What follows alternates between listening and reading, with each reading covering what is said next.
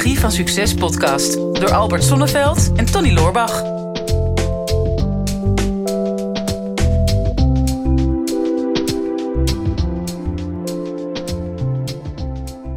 Vandaag te gast weer een hele bijzondere man. Uh, ja, we natuurlijk alleen maar bijzondere mensen, want ja, de selectie voor een exclusieve gast die is bij ons wel erg hoog als het gaat over psychologie van succes. Casper van der Meulen. Casper, ja, zoals je misschien al hebt begrepen van tevoren in ons voorgesprekje, we gaan geen uitgebreide introductie doen uh, over jou, want mensen kunnen vast en zeker heel veel op jou, over jou vinden op internet. Maar wat voor mij vooral bijblijft, naast dat je een hele goede vriend van me bent, is ook jouw super veelzijdigheid. Als het gaat over, nou ja, uh, dan noem het maar shamanisme, medicijnwerk, uh, maar vooral ook jouw muzikale kwaliteiten die je hebt. En, uh, en al het ademwerk. En dan zijn er ongetwijfeld nog een heleboel dingen die ik ook nog uh, vergeet en oversla. Maar goed dat je niet een hele uitgebreide introductie doet. Nee, nee. Anders was het nog heel lang geworden. Dus uh, daar beperk ik mee. En ja, voor de mensen die weten, die wat vaker kijken en luisteren naar deze podcast, die weten dat de expert krijgt 10 minuten extra dan wij gemiddeld vragen. Dus dat zal zo rond een half uur zijn. Dus we gaan ons tot één onderwerp beperken. En dat hebben we van tevoren ook afgesproken, is adem. Yes. En het is grappig dat je dat zegt, want de eerste dingen die je noemt waar jij me om kent, dat zijn de dingen waar ik het minst bekend, dat zijn een soort van mijn, uh, mijn, uh, mijn, uh, mijn, geheime, mijn geheime missies. En dat, ja. Nou, niet geheim, maar dus ben ik veel minder onbekend. Maar ja, ademhaling. Ja. Eigenlijk is dit nog wel een toevoeging. Dus nog een ja. reden om deze video dan straks nog op je website te zetten. Ja, misschien wel, ja. Ja, ja. ja. adem. Ja, ja.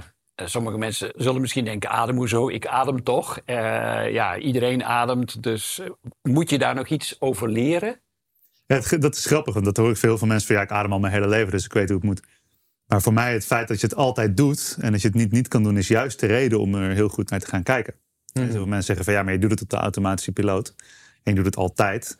Dus waarom zou ik ermee bezig gaan? Nou, juist daarom. Omdat je dus 20.000 keer per dag uh, ademhaalt. Nou, en sommige mensen dus 30.000 keer per, dag. En dat is problematisch. En ja. dat weten heel veel mensen helemaal niet. Dat uh, de manier waarop je ademt. En uh, dus de manier heeft te maken met de stijl, het karakter van je ademhaling. Maar ook de, de diepte, mechanische processen van welk deel van je lijf je gebruikt. Maar ook de frequentie, dus hoe vaak je eh, per minuut ademt of per dag ademt. Heeft allemaal directe invloed op je staat van zijn. En dat weten mensen helemaal niet.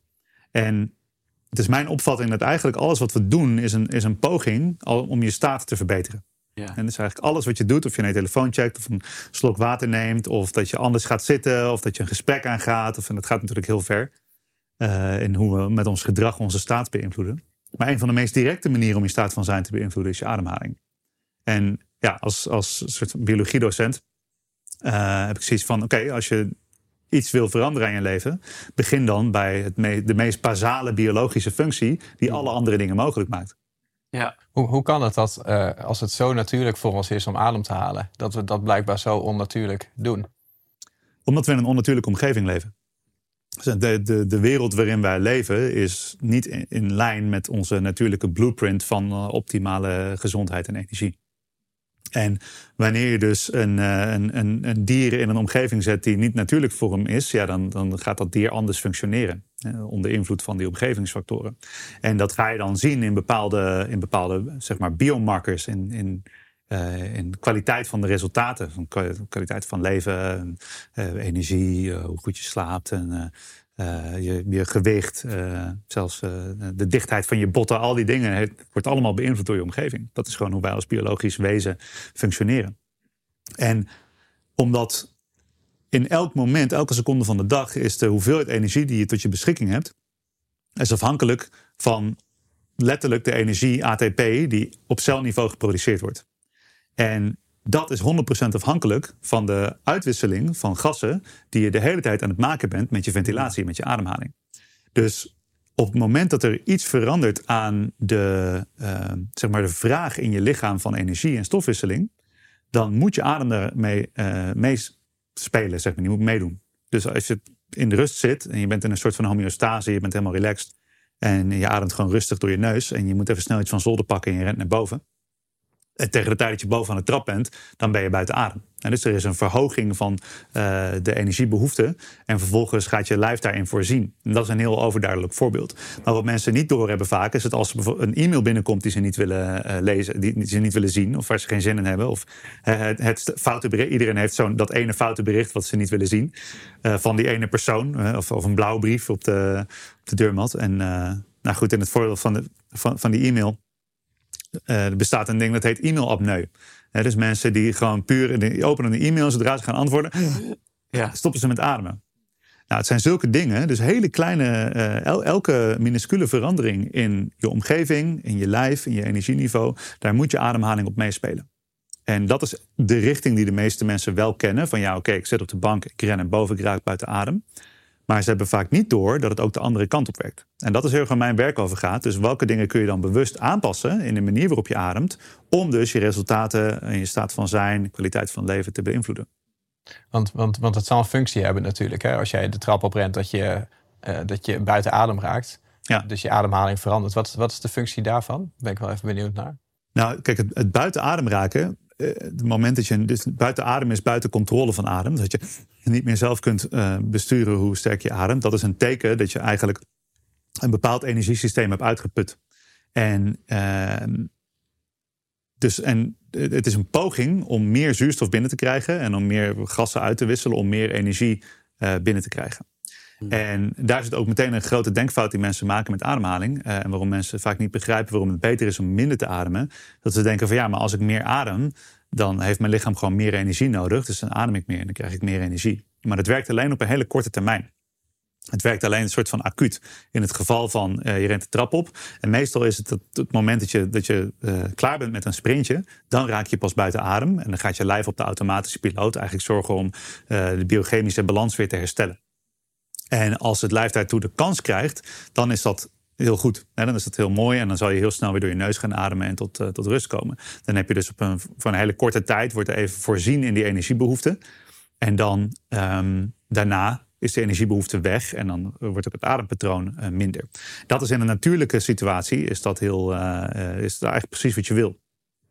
Maar omdat we in een onnatuurlijke situatie zitten en om het heel praktisch te maken naar mensen die luisteren, als je uh, een effectief leven probeert te leiden en je probeert dingen gedaan te krijgen, productief te zijn, je bedrijf te runnen, dan zijn er best wel vaak situaties waar, waar je lichaam eventjes een verhoogde perceptie krijgt van um, um, een hogere energiebehoefte. Ja. Bijvoorbeeld dat e-mailtje of dat gesprek of de gedachte aan de deadline die je niet gaat halen. En ondanks dat het vaak ingebeeld is, dus het is helemaal niet werkelijk. Je bent helemaal niet een trap op aan het rennen. Er is helemaal niet een echt gevaar. We beelden ons in dat er een, een bepaalde situatie is zoals we dat niet willen. Um, en het inbeelden daarvan zorgt ervoor dat je zenuwstelsel in een andere staat van zijn gaat. Je, gaat. je lichaam gaat zich onbewust voorbereiden op een verhoogde energieuitgave. En dat is geniaal dat ons lichaam dat kan. Maar dat zorgt er vaak voor dat er dus ook een ander deel van een zenuwstelsel actief wordt, waardoor we verhoogd gaan ademen. En uiteindelijk de hele dag eigenlijk meer aan het ademen zijn dan, dan nodig. En niet alleen dat, hè, dus dan heb je biochemisch gezien ontregel je jezelf als je meer ademt dan nodig. Maar um, elke manier van ademhalen, elke frequentie, elke stijl van ademhalen hangt ook samen met een frequentie, een soort van vingerafdruk van een emotie of een emotionele staat. Mhm. Dus als je gestrest aan het ademen bent, dan zal je lichaam stress gaan creëren. Dus er zijn heel veel mensen die de hele dag eigenlijk um, tegen hun lichaam zeggen: energie nodig, energie nodig, energie nodig. Een beetje suf wakker worden, koffie drinken, e-mails beantwoorden, de hele dag door. S'avonds niet genoeg rust nemen en dan liggen ze in bed. En dan vragen ze zich af van ja, waarom kan ik niet slapen? Ja. Omdat het, dat het lijf is nog steeds de kachel aan het, aan het, uh, Branden. Aan het stoken. Ja. ja. Um, ja, en nu, hè, dus, dus toch wel de fysiologische uitleg, hè, het, de westerse manier van denken ook over adem, van uitwisseling van zuurstof en koolzuurgas en stikstof. De Oosterse manier, uh, die heeft het naast dat biochemische proces ook over adem, is ook prana, is ook ja. chi, uh, ki. Die hebben er allerlei termen voor. In hoeverre ben je daarmee verbonden en bewust van? Op ja, heel sterk. Ja. Die twee die zijn voor mij geen uh, verschillende werelden. Nee. En dat is het grappige, want als ik dus, als ik dus in de, in de performance wereld ben met atleten of met CEO's of zo, dan, dan, dan gebruik ik het biochemische verhaal om, om het, uh, zeg maar de diepere laag daarin te brengen. Het emotionele, het spirituele, de Oosterse manier van denken. En als ik, als ik met, de, met de yoga mensen en met de, met een groep hippies of met, uh, met spirituele mensen werk, dan, uh, ja, dan gebruik ik die kant van het verhaal en, en de chakra's en alles om dan het biochemische er weer in te krijgen. Dat vind ik leuk, dat is mijn spel. En je hebt precies die duale doelgroep nu aan tafel zitten. Ja, precies. ja, ik vond het eerste stuk van het verhaal heel nuttig. Ik heb het zelden zo goed, ja. nou, hetzelfde zo helder uitgelegd gekregen. En dat vind ik het leuke, dat, dat is op mhm. het filosofisch niveau, wordt er gedacht dat die twee gescheiden zijn. Ja. dus dat, maar het feit dat je dus elke seconde van de dag afhankelijk bent van die gaswisseling, dat is wat mij betreft is dat een heel spiritueel verhaal. Ja. dus elke inademing is een ultiem teken van vertrouwen. Hmm. je kan niet, niet kiezen wat je inademt. Nee. Dus als je vanuit het spiritueel niveau is overgave en, uh, en, en um, vertrouwen, zit heel erg op de inademing. En je ziet dus ook dat mensen die bijvoorbeeld met angst en stress leven, of die niet op een spiritueel pad zijn, die geen purpose hebben in hun leven, die hebben heel veel moeite met een rustige inademing te maken. Die inademing stokt altijd. En dan gaan ze er heel erg functioneel, heel erg westers naar kijken. Van welke spieren doen het niet of hoe zit dat biochemisch. Maar vaak als je dan met ze werkt aan, aan, aan dat diepere stuk, die diepere laag. Van waar stopt jouw emotie met stromen? Waar stopt jouw levensenergie met stromen? En dan kun je dat terugzien in die het karakter van die inademing. En als we dan daar leren doorheen ademen, gaat het emotionele, spirituele stuk ook stromen. En dat is gaaf. Ja, ja. Nou ja, onze Nederlandse taal zit bomvol met dit soort associaties. Hè? Als je zegt, ik kan hem of haar niet luchten of zien. Eigenlijk zeg je, ik wil, jou, ik wil mijn adem niet met jou delen. Ja. Of het benemende adem. Of nou ja, er is natuurlijk heel veel van dit soort uh, spreekwoorden. Dat is vrij uh, toepasselijk geweest ook in de pandemie de afgelopen twee jaar. Ja, ja. Mensen zijn echt weer bang geworden om, uh, om, te, ademen, om te ademen met elkaar. Ja. ja. Wat zijn mogelijkheden? Want mensen horen dit en zeggen van, nou ja, volgens mij, ik weet het niet. Misschien doe ik iets verkeerd met mijn adem. Of ik voel me iedere dag moe. Ik lig helemaal uitgeput op de bank na een dag van werken. Zijn er dan eerste dingen waarvan je denkt: oké, maar dit, dit moeten mensen minimaal doen om weer een beetje in contact met hun ademhaling te komen? Nou, minimaal is. Het is lastig om, om dat zo heel strikt te zeggen, maar wat het belangrijkste is, is om je er bewust van te worden. Ja. Want omdat het een functie is die helemaal op de automatische piloot gaat, kan gaan, uh, vergeten we dat we het ook bewust kunnen. Maar daar ligt wel uh, een van de meest unieke functies van het mens zijn, is dat wij kunnen namelijk bewust kiezen hoe we ademen. En dat kunnen de meeste andere dieren niet. En dat vind ik als, als bioloog natuurlijk fascinerend om het te vergelijken met andere dieren. Um, of bijvoorbeeld een babytje wat ik nu thuis heb liggen, is dat het ademritme is altijd 100% gelinkt aan de benodigde stofwisseling. Het is goed geregeld. En wij kunnen als mensen, los van onze stofwisselingsbehoeften, onze adem gaan. We kunnen hier zitten en kunnen diep gaan ademen. Je kan een zucht nemen, je kan minder ademen. Dat is waanzinnig. Dus om daarmee te gaan spelen, dat is eigenlijk het enige wat nodig is. Mhm. Want ik heb dan wel hele uitgebreide onderwijsprogramma's voor ademhaling en dat soort dingen. Maar je loopt natuurlijk rond met het hele laboratorium van ademhaling wat je maar wil. Mhm. En je kan dus gaan zitten en kijken van oké, hoe voel ik me nu? Je, je, je, wordt je bewust van een bepaalde staat van zijn.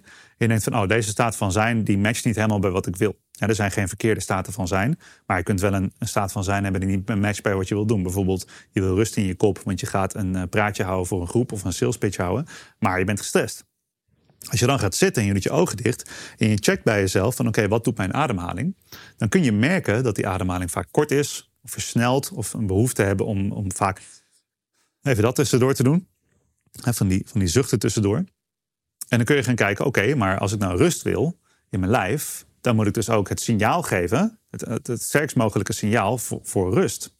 En omdat je lichaam afhankelijk is van ademhaling, zal het altijd direct op, op ademhaling reageren. Sneller dan op beweging of op uh, voeding bijvoorbeeld. Dus als je dan um, gaat zitten en oké, kijk wat er gebeurt. Ik ga nu door mijn neus ademen en dan ga ik bijvoorbeeld heel langzaam uitademen, zo langzaam als ik mhm. kan. Nou, dan heb je eigenlijk al uh, uh, 90% van uh, alle ademmethodes die gaan over ontspanning, die gaan over het verlengen van je uitademing. Daar loop je gewoon mee rond. Ja. Dus je kan het elke keer zelf herontdekken. Dus heel praktisch is het om in je dag een aantal momenten te kiezen waarin je gaat zitten en gewoon gaat luisteren. Wat doet mijn adem nu? En hoe hangt dat samen met hoe ik me voel? Dan ga ik één dingetje veranderen. Bijvoorbeeld mijn uitademing verlengen. Dat is de snelste, makkelijkste plek om te beginnen. Um, en dan doe ik dat uh, een minuut of twee of drie. Gewoon zitten, normaal inademen, mijn uitademing verlengen. En als je je dan beter voelt, dan betekent dat dat die staat van zijn waar je in was samenhing met je staat van ademhaling. En dat je dus zelfregie hebt, controle hebt gevonden om jezelf tot rust te brengen. Mm zou je eigenlijk kunnen zeggen, want je wisselt een beetje oorzaak-gevolg om. Hè? Dus, dus je ademt kort en, en gespannen omdat je gestrest bent. En dus als de korte ademhaling is het gevolg. Ja. En jij maakt dan door een langzame ademhaling te doen, maak je er de oorzaak van. En een ontspannen lichaam is dan het gevolg. Ja. Maar dus focus op je uitademen en, en, eh, en, en, het, en het langzaam ademen. Dat is, dat is denk ik staat symbool voor de ontspanning. Ja, nou dat staat eigenlijk symbool voor hoe we uh, eh, 99% van onze tijd willen doorbrengen met onze ademhaling. Dus een ademhaling die rustig is, laag in het lichaam, uh, rustig en eigenlijk moeiteloos. Dus het is een functie die altijd moeiteloos zou moeten kunnen plaatsvinden. En dat is ook logisch. Als je, als je bijvoorbeeld iemand, als je twee mensen ziet liggen, en liggen gewoon te chillen op het strand of wat dan ook, en die zien er qua gezondheid en leeftijd ongeveer hetzelfde uit, en de ene is buiten adem, en dan weet je welke van, en die andere ademt rustig, dan weet je welke van die twee eh, gezond is of ongezond. Bij dieren zie je ook een, manier om. Bij een, je kan het een dier niet vragen hoe het met hem is. Maar als een dier stil ligt en het ligt te puffen, ja, dan is er iets, is er iets niet goed. Nou ja, ik denk, ik denk in, in ideale omstandigheden moeiteloos. Alleen uh, een voorbeeld van hè, als jij gestrest bent en je gaat bewust zeg maar, je ademhaling uh, veranderen hè, door langer uit te ademen, dan, dan, dan gaat het in principe iets minder moeiteloos. Dat betekent dat je moeite gaat doen om je ademhaling weer onder controle te krijgen. Ik merk dat ook van het, uh, het zal jou niet vreemd zijn in het, in het uh, ijsbaden gaan zitten. Nee. Zeker mensen die daar moeite mee hebben of dat voor het eerst doen, is vaak het advies focus op je uitademen. Ja. niet per se op je inademen. Want dat gaat redelijk vanzelf. Hè? Over het algemeen te veel en te vaak en te gestrest. Maar als jij focust op het uitademen, dan krijg je weer controle over je lijf en dan kan je omgaan met die kou. Dus in mijn beleving staat dat dan, is dat een soort van lifehack, biohack om ontspanning in je lijf te krijgen. 100% En dat is een fantastische observatie die je daar deelt. Dank je. Want wat je daar eigenlijk zegt. Ik, goed even, ik noteer even de punten. Want ja, uh, ja goed. het is mijn vak. 10 punten ton. Ja, en, um, want je wil eigenlijk zo weinig mogelijk bezig zijn met je ademhaling. Hmm. Ja, minimum effective dose, dat is een van de basisprincipes van mijn opleiding ook. Hoe minder je kan doen om dingen weer natuurlijk te laten lopen, hoe beter. Zo weinig mogelijk mee sollen, mee bezig zijn. Dus net het ijsbad is een fantastisch voorbeeld. Want kijk, dit is een beetje het lastige van, van ontspanningsoefeningen. Dat heel veel mensen die hebben dan een burn-out of ze hebben stress of ze willen meer ontspanning. En dan gaan ze dus onder hele ontspannende omstandigheden gaan ze leren ontspannen. Dus ja, uh, jullie luisteraars die, uh, die willen ontspannen en die, die zitten thuis uh, voor een, een, meditatiekussen en een wierook, een foto van Albert en dan een kaarsje aan, ja. alles erop en eraan. Ja, daar kan je makkelijk ontspannen. Um, en uh, een, een, van mijn collega's in de ademwereld, Brian McKenzie, die zegt: If it doesn't work when you're on fire, it doesn't work. Hmm. dus uh, ja, je leert om ontspannen in een ontspannen omstandigheid. En dan ga je weer je leven in. En dan is alles weer stress. En dat is het mooie van een ijsbad. En ook met, uh, met het uh, trainen van het vasthouden van ademhaling. Of ademtraining die ik doe met atleten. Waarin ze dus onder steeds hogere intensiteit steeds rustiger leren ademhalen. En dat is wat je in het, in het ijsbad ziet gebeuren. De ademhaling wordt volledig ontregeld. Daar kun je in het begin ook niks aan doen. Dit gebeurt gewoon. Daar kan je niet mee, dat is gewoon evolutionair geregeld. Daar kan je niks tegen doen. Op den duur komt er een moment dat je je uitademing kan gaan sturen. Daar pak je de controle terug. Dat is gewoon hardwired in je zenuwstelsel. Op de uitademing zit uh, controle en rust. Want die wordt gestuurd door het parasympathisch zenuwstelsel. De inademing door het, in, uh, door het sympathisch zenuwstelsel. En um, dan, dan maak je dus een bewuste interventie. En daarna zie je dat mensen in het ijsbad zitten. De omstandigheden zijn nog precies even stressvol. Maar de ademhaling en de mind en alles is veel rustiger, zelfs dan voordat ze het ijsbad instapten. Ja. Dus je wil eigenlijk onderzoeken welke wijziging heb ik nodig om weer op een betere natuurlijke autopiloot te komen. Dus het is net eventjes dat ene dingetje omtikken, een paar minuutjes een ademoefening doen ergens op je dag en merken dat je daarna eigenlijk zonder enige interventie of moeite gewoon lekker verder gaat. Nou ja, wat mij triggert is jouw opmerking van ja, zo'n klein mogelijke interventie. Hè? Dus je moet eigenlijk maar een heel klein dingetje doen. En tegelijkertijd, um, hè, als mensen gaan ontdekken dat hun ademhaling ontregeld is, uh, en je zegt ja, weinig aandacht aan besteden, maar dan ga je de juiste aandacht aan besteden. Ja. als je mensen nu ademhalingsoefeningen gaat leren, zeggen van goh, je moet meer met je buik ademen, en dan zeggen huh, uh, maar hoe doe ik dat eigenlijk? Dat is het verhaal van de duizendpoot en de mier, ken je dat? Dat is echt een super eh, interessant verhaal. De, de, mier keek naar de duizendpoot en die zag die duizendpoot zo prachtig bewegen met al die duizendpootjes in een hele vloeiende beweging. En toen zei die mier, tegen die duizendpoot... jee man, ik snap niet hoe jij die pootjes steeds zo uh, keurig achter elkaar kunt laten bewegen. Het krijg ik niet voor elkaar met mijn acht pootjes. En toen zei, en daar komt het, toen zei de duizendpoot... goh, daar heb ik nooit bij stilgestaan. En in een kwartier zat hij natuurlijk met al zijn pootjes in de war. En dat is natuurlijk ook uh, wanneer mensen denken: oh ja, nou, ik heb de boodschap gesnapt. Ik ga gewoon wat bewuster met mijn ademhaling bezig. Maar dan kan het zomaar zijn, wat ik ook vaak zeg: ontspanning is spanningsbewustwording. Ja. Dan ga je pas ontdekken hoe makkelijk dat systeem ook ontregeld is. Ja, absoluut. En het komt best wel vaak voor als ik met een groep soort van beginners, normale mensen die ja. er niet veel mee bezig zijn, alleen al vragen om hun ogen te sluiten en op hun adem te letten, is dat er dan iemand in een, bijna in een soort van hyperventilatie terechtkomt. Ja. Gewoon omdat ze zo ongewend zijn om daarnaar te gaan kijken. Ja. En vaak wordt inderdaad het, het, het pad van, uh, van ademhaling, als mensen dat gaan bewandelen, is de, de eerste periode daarvan uh, ontstaat er een soort van obsessie van ja. waar ben ik mee bezig. En dan weet jij misschien ook wel dat uh, in bijna elke yogales wordt gezegd Observeer gewoon je adem zonder er iets aan te veranderen. Ja, ja. Dat is de meest onmogelijke opdracht ja. in de wereld. Het is gewoon niet. En iedereen die nu aan het luisteren is, die zit het al te proberen en die is er opeens van bewust. Ja, dat, is, mm. dat is net zoals met niet proberen te gapen als iemand anders gaat. En nu heb ik twee, drie keer gapen gezegd. Ja. En dan zullen thuis al mensen gaan gapen, weet je wel. Maar dit is een, dit is een heel goed punt. En daarom is het ook. Uh, het leuke is van, uh, van ademhaling, is dat het zo'n.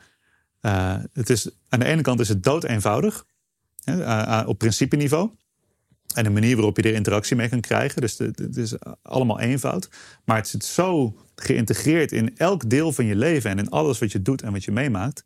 Um, dat je kan je hele leven kan je daar op studeren op die bewustwording. Ja. ja. En, en de andere kant, hè? want je hebt natuurlijk veel gehad over het, het leren ontspannen. Van we zijn van nature te snel aan het ademhalen, te veel aan het ademhalen. En dit laatste stuk ging natuurlijk heel erg over die ontspanning. Maar je hebt natuurlijk ook de, de andere kant. Hè? Dat zijn juist een beetje de, de power breathing sessies om juist veel harder te gaan ademhalen, veel meer zuurstof binnen te laten. Ja. Um, je zou bijna zeggen van dat is dan niet zo heel slim. Hè? Dat is dan meer juist meer spanning in je lijf brengen. Uh, nou, dat is heel slim. Maar alleen, dus hyperventilatie, dus heel, heel heftig ademen, dat is alleen een goed idee als ten eerste als je weet dat je het doet en als je weet waarom je het doet. Dat zijn de belangrijkste, belangrijkste aspecten. Want er is um, qua adempatroon is er niet veel verschil tussen iemand die daadwerkelijk een, een hyperventilatie paniekaanval krijgt, of iemand die bij mij in een ademsessie uh, visioenen krijgt en trauma uh, loslaat en allemaal dat soort dingen. dus het adempatroon is in principe uh, vaak ongeveer hetzelfde. Sterker nog, mensen die dus ervaring hebben met paniek en angst, die, uh, die laat ik vaak in dat patroon ademen, zodat we het stuk naar boven kunnen brengen waarmee gewerkt uh, mag worden. Provocatietesten heet dat. Ja, ja. In zeker, ja. provocatietesten. Of ja, kijk, wat, wat ik interessant vind, is dat wat je ziet met mensen die heftige dingen meemaken. En als we denken aan trauma, denken mensen aan hele heftige dingen, zoals oorlog of seksueel misbruik of zo. Maar in feite, elke keer als jij je in je leven onveilig hebt gevoeld en kwetsbaar. Dan uh, kun je dat zien als een stukje, hè, of je dat nou trauma wil noemen of iets anders. Maar, um, en vaak is het zo dat het zenuwstelsel dan een, een, onvermogen ontwikkelt om naar die kant toe te gaan. Dus bijvoorbeeld mensen die in hun leven hebben geleerd uh, dat uh, conflict is het ergste wat er is. Hè, die bijvoorbeeld ouders die veel ruzie maakten of een agressief familielid of iets meegemaakt in, in de conflictsfeer. Die leren dat, dat doe ik niet en die gaan er nooit heen. Nou, dan zie je dat er allerlei kleinere varianten van die staat van zijn in je zenuwstelsel, de fight staat, dat ze die ook niet meer kunnen. Dat ze bijvoorbeeld niet uh, nee kunnen zeggen. Dat ze niet uh, hun grenzen kunnen aangeven. Of dat ze gewoon nooit boos kunnen worden. En um, die laat ik dan juist bewust op die manier ademen. Die correleert met die kant waar ze eigenlijk niet heen durft. Dus echt woede. Dat is bijna een soort van hakka aan het doen bent. En hetzelfde geldt voor, uh, um, voor bijvoorbeeld hyperventilatie. Dus juist die hyperventilatie ingaan en weer naar dat stuk toe gaan, maar dan in een veilige setting. En de situatie herzien. En er komen vaak beelden en herinneringen boven. Dat is heel bijzonder. Maar wat jij zegt inderdaad. Kijk, er zijn natuurlijk verschillende manieren om dat te doen. er zijn manieren om je zenuwstelsel meer energie te geven door sneller te gaan ademen. Maar dat is altijd een kort uh, durende oplossing. Maar het dieper ademen, het power breathen, uh, het overademen, dat is vooral een manier om, ja, om diepere processen op gang te brengen. En dat moet altijd in een veilige setting, uh, voor een bepaalde tijd. En iets wat heel veel ademcoaches uh, over het hoofd zien, is dat het ook heel belangrijk is om daarna het lichaam weer te reguleren. Dus waar, vaak wordt er in bepaalde ademmethodes gedaan dat je een half uur of een uur of soms wel drie uur heel heftig aan het ademen bent. Ja. En er komt van alles los en het is een prachtig procent. En er is huilen en er zijn visioenen en, en, en trauma's geheeld en alles erop en eraan. Maar dat ze vervolgens nog vijf, zes, zeven dagen helemaal brak zijn. Hoofdpijn, kringen onder hun ogen, dat soort dingen. Omdat, ja, jij zei net van je haalt dan heel veel zuurstof binnen. Maar eigenlijk klopt dat niet. Als je aan het overademen bent, dan, dan uh, eigenlijk neem je zuurstof weg uit weefsels. Dus het is eigenlijk een zuurstoftekort wat je creëert door te overademen. Ja. Uh, uitgebreid mechanisme wat ik niet helemaal ja. uit te leggen. Maar. Nee, nee, nee, nee, nee, nee. Ja, het is, mensen zeggen hè, meer zuurstof binnenhalen. Maar je, je, kunt nooit meer zuurstof in je lichaam krijgen dan dat je rode bloedlichaampjes in je lichaam hebt. Nee. Je kunt natuurlijk op hoogte gaan trainen en om nog wat extra rode bloedlichaampjes aan te maken. Maar meer zuurstof binnenkrijgen lukt niet dan dat je lichaam kan opnemen. Nou, en om heel kort wel dat mechanisme even aan te stippen. Je bent dus altijd aan het inademen om zuurstof binnen te krijgen. En je bent altijd aan het uitademen om kooldioxide kwijt te raken. En dat is een balans die altijd aanwezig moet zijn. Want kooldioxide, CO2, uh, maakt zuurstof beschikbaar in de weefsels. Dus als je meer gaat uitademen, verlies je meer van die kooldioxide, van die CO2. En wordt dus er minder zuurstof beschikbaar op weefselniveau. Mhm. En een van de redenen dat je dus visioenen krijgt of emotionele releases als je aan het overademen bent, aan het diepademen bent, is omdat er simpelweg te weinig zuurstof is voor de, om, om de duurste delen van je brein actief te houden. Bijvoorbeeld de, de, de, de functies van je voorkwap die te maken hebben met inhibitie. Dus als je in zo'n hele intense staat ademt, dan heb je gewoon letterlijk minder remmingen ten opzichte van je emotionele brein en kan er veel meer gaan stromen. Ja. En dit is ook waarom dus overademen. Dus als je bijvoorbeeld uh, eh, 30.000 keer op een dag ademt, of laten we zeggen 25 keer per minuut, of 15 keer per minuut. Als je 25 keer per minuut ademt, dan verlies je dus heel veel van die kooldioxide. Waardoor je dus minder zuurstof tot je beschikking hebt. Waardoor je lichaam eigenlijk de fout gaat maken van, oh, er moet meer geademd worden voor meer zuurstof. Maar je moet eigenlijk minder ademen, zodat je meer kooldioxide hebt en dus meer zuurstof tot je beschikking hebt. Dus dat is zeg maar het mechanisme. En, en hoe verhoudt zich dat? Want hè, we hebben natuurlijk uh, de, de Wim Hof methode is natuurlijk een van de, de populaire stromingen de afgelopen jaren. Dat gaat heel erg hierover. Zowel over het power breathen, breath retention, ook over het, uh, het, het ijsbad gebeuren. En dat is een beetje die combinatie van die twee. Van hey, je ademhaling onder controle krijgen, waar we mhm. het net over hebben gehad. Maar het, het, het beginstuk, het, het powerbreeden, dat voelt natuurlijk een beetje als het tegenovergestelde. Hè? Dat betekent juist heel veel inademen um, en daarmee eigenlijk stress in je lichaam brengen. Hè? Dus, dus eigenlijk, er wordt wel eens vergeleken met je brengt een adrenaline niveau in je lichaam wat vergelijkbaar is met bungee jumpen, wat je eigenlijk in die korte ja. power breathing doet. Wat, wat, wat heeft dat voor voordelen of wat heeft dat voor functie om dat te doen? Kijk, uh, diep ademen of overademen betekent niet per se spanning in je lichaam brengen. Want uh, uh, bungee jumpen of, of een achtbaan, dat kan heel veel spanning juist losmaken. Omdat er heel veel energie gaat stromen. Als die energie in uiting krijgt, dan maakt het lijf geen spanning. En dat is ook in het, in het verhaal van trauma, waar we het net over hadden. Als je iets heftigs meemaakt en je zet het op slot, dan heb je spanning. Maar als je in een situatie waarin er een conflict is en je staat op je grenzen en je, en je kan even schreeuwen en het eruit gooien, dan is er helemaal geen spanning dus dieren die gewoon altijd hun staat netjes afmaken, die hebben helemaal geen trauma. Nou, alle, alle dieren behalve mensen. of dieren die met mensen leven. Hmm. Nou ja, of misschien beter, maar misschien spanning dan niet het goede woord. Maar, maar het, het komt gestrest over. Hè? Dus in een ijsbad gaan zitten en focussen op je uitademen is juist ontspannen en het, en het loslaten. Maar power breathen uh, en zeker je adem inhouden voelt natuurlijk als, als stress in je lichaam brengen. En, en dat wordt ook wel eens uitgelegd als zeg maar uh, ontstekingsremmend. Hè? Of het drukken van het immuunsysteem ja, met, ja. met stress. Ja, dus een kortstondige stresspiek kan inderdaad een, een chronische stressor uitzetten en daarmee ook chronische ontsteking.